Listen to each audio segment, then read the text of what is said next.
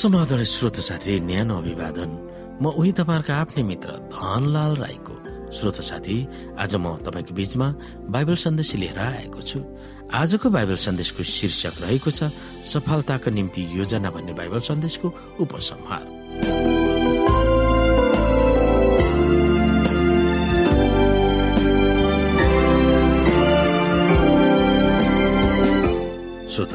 कुनै पनि व्यापार वा प्रगतिको जुक्ति वा जीवनको योजना मनासिब वा सफल हुँदैन।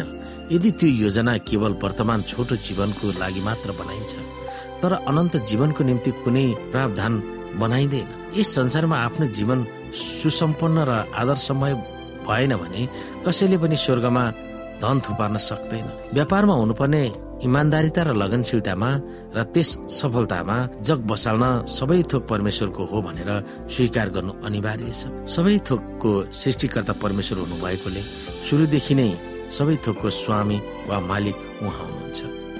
उहाँले सृष्टि गरेका थोकहरूलाई जतन गर्ने जिम्मा हामीलाई दिएको छ।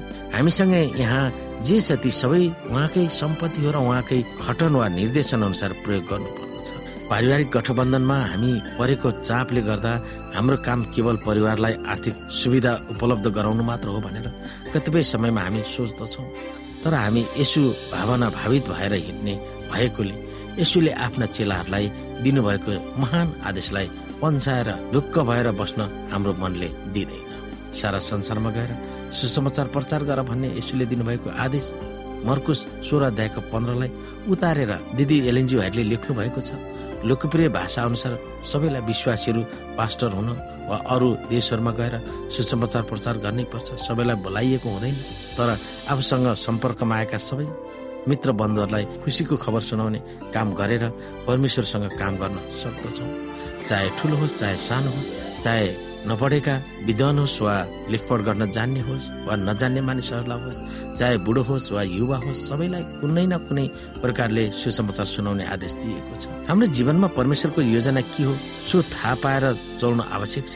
हाम्रो शक्तिले भ्याएसम्म कौशलपूर्वक काम गर्न खोज्नुमा नै परमेश्वरको काममा हाम्रो जीवन अर्पण गरेको ठहर छ। जुनसुकै काम वा पेसामा हामी लाग्न निर्णय गरे तापनि परमेश्वरको अगुवाई खोज्नु हाम्रो निम्ति सुरक्षित भएकोले उहाँको नीतिमा चलेर उहाँले खोल्दै गरेको बाटोमा हिँड्ने सजगता हामीमा भइरहनु पर्दछ। इसाईहरू भएको हैसियतले सफल जीवन बिताउनुको परिभाषा के हो? संसारले व्याख्या गरेको सफलता र हामीले आदर्शमय सफलताको व्याख्यामा के भिन्नता छ? हामीले बुझ उदाहरणमा बत्तिसमा दिने यौन्नाको जीवनको बारेमा हामी कसरी व्याख्या गर्छौँ? मरणशील दुष्ट स्त्रीको आवेगमा उनी झ्यालखानामा परेर आफ्नो ज्यान गुमाउनु परेको थियो। यीशुको बारेमा प्रचार गरेर वियोगपूर्वक जीवनको अन्त्य हुनु के त्यो सफलता हो र यसको बारेमा तपाईँ हाम्रो तर्क के छ? यस संसारमा धेरै धेरै सफल धनी सम्पन्न खुसी र सन्तुष्टि देखिने मानिसहरू पनि छन्।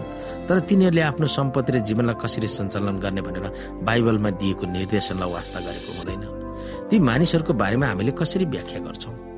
फेरि कतिपय समयमा तिनीहरूको अनुसरण गर्न खोज्ने र तर तिनीहरूले सिकाएका अनुसार चल्न त खोज्छन् तर तिनीहरू जस्तो सफल नभएको बारेमा हामी के भन्न सक्छौँ? तिनीहरू बिरामी होला वा दैविक प्रकोपले ढल्न सक्छन् होला? ती परिस्थितिहरूलाई हामीले कसरी बुझ्न सक्छौँ? श्रोत साथी हामीलाई थाहा छ संसारमा धन दौलत भएर मानिसहरू सधैँ खुसी रहन सक्छ पक्कै पनि सक्दैन। उनीहरूसँग पनि मृत्यु छ रोग छ भोग छ। शोक छ। ती कारणले गर्दा उनीहरूले कमाएको सम्पत्तिहरूबाट उनीहरू प्रशस्त मात्रामा खुसी हुन सक्दैन। खुसी त यो अर्थमा हुन सक्छ कि जब परमेश्वरको महिमालाई बुझेर परमेश्वरको बाटोमा हिँड्ने मानिसहरू खुसी र आनन्दित हुन सक्दछ।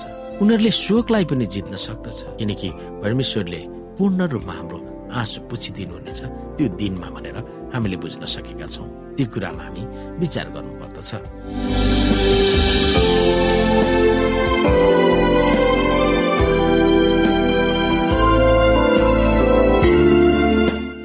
श्रोता साथी आजको लागि बाइबल सन्देश यति नै। हस्त नमस्ते जय मसिंह।